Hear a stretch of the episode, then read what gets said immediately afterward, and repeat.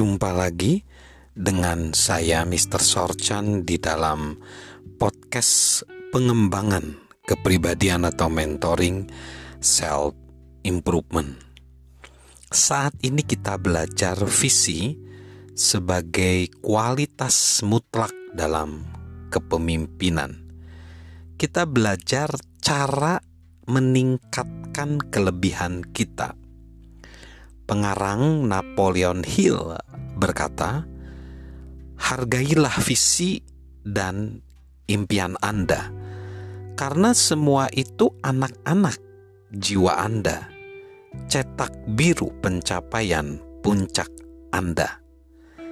Para pemimpin yang baik harus memiliki kelebihan, melihat lebih banyak hal, dan terlebih dahulu melihatnya daripada orang lain dan berupaya meningkatkan kapasitas yang berkelanjutan. Itu mungkin nampak seperti tantangan. Banyak orang mempercayai bahwa kita memilikinya atau tidak sama sekali. John tidak sepakat dengan itu. John percaya setiap orang memiliki kapasitas untuk meningkatkan di bidang ini. Begini caranya yang pertama, ketahuilah bahwa banyak kelebihan di luar sana.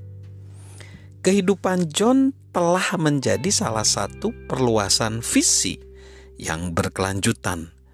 Menambah nilai terhadap orang lain adalah kelahiran visinya. Saat ini visi tersebut telah menjelma ke dalam berbagai bentuk dan berkembang jauh melebihi harapan dan impian awal. Saat merenung, dia dapat memikirkan dua waktu yang berbeda ketika dia tergoda untuk berpikir bahwa tidak ada lagi kelebihan dalam visinya. Yang pertama di awal karirnya. Saat muncul impian awal, dia mengembangkan satu satu komunitas yang dapat membantu orang-orang. Saat itu impian dia sangatlah rentan. Kenapa? Karena visi itu masih baru bagi dia.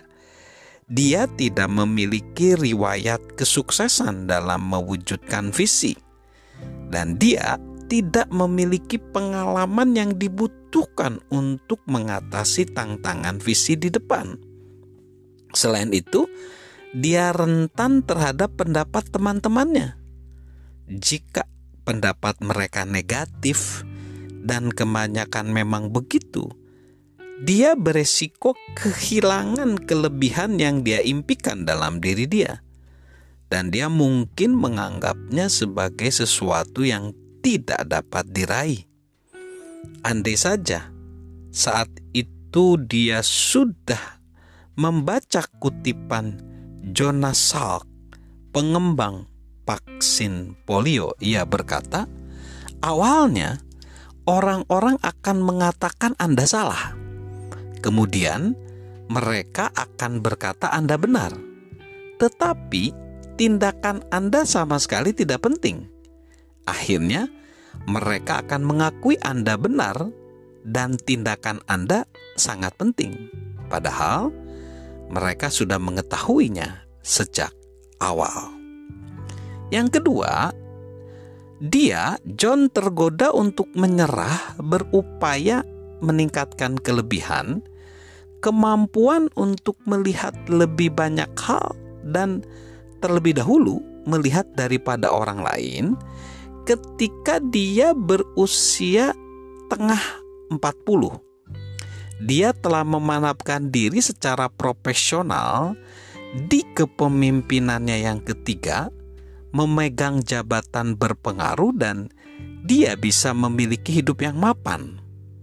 Dia merasa seolah-olah tinggal di puncak gunung. Apa yang akan saya lakukan menetap atau terus berjuang? Sang psikolog Judith Meyerowitz berkata, banyak orang mengalami sesuatu pada usia sekitar 45 tahun. Mereka kehilangan visi pribadi untuk masa depan yang lebih baik. beberapa orang berhenti bekerja dan malah mulai berfantasi. John tidak ingin melakukan itu. Dia tidak ingin berpuas diri dengan gunung yang sudah diadaki. Dia pun mencari puncak-puncak gunung yang lebih tinggi dan mendakinya. Saat ini, ada dua kualitas yang membantu dia tetap berfokus pada cara-cara peningkatkan peningkatan kelebihan yaitu kreativitas dan fleksibilitas. Pemanfaatan kreativitas membantu dia untuk percaya bahwa selalu ada solusi. Pola pikir itu memampukan dia untuk terlebih dahulu melihat berbagai hal daripada orang lain karena dia memang mengharapkannya. Fleksibilitas mengingatkan dia bahwa selalu tersedia lebih dari satu jawaban. Pola pikir tersebut memampukan dia untuk melihat lebih banyak hal daripada yang lain. Kedua konsep ini sangat berpengaruh, mempengaruhi cara dia memandang masa depan.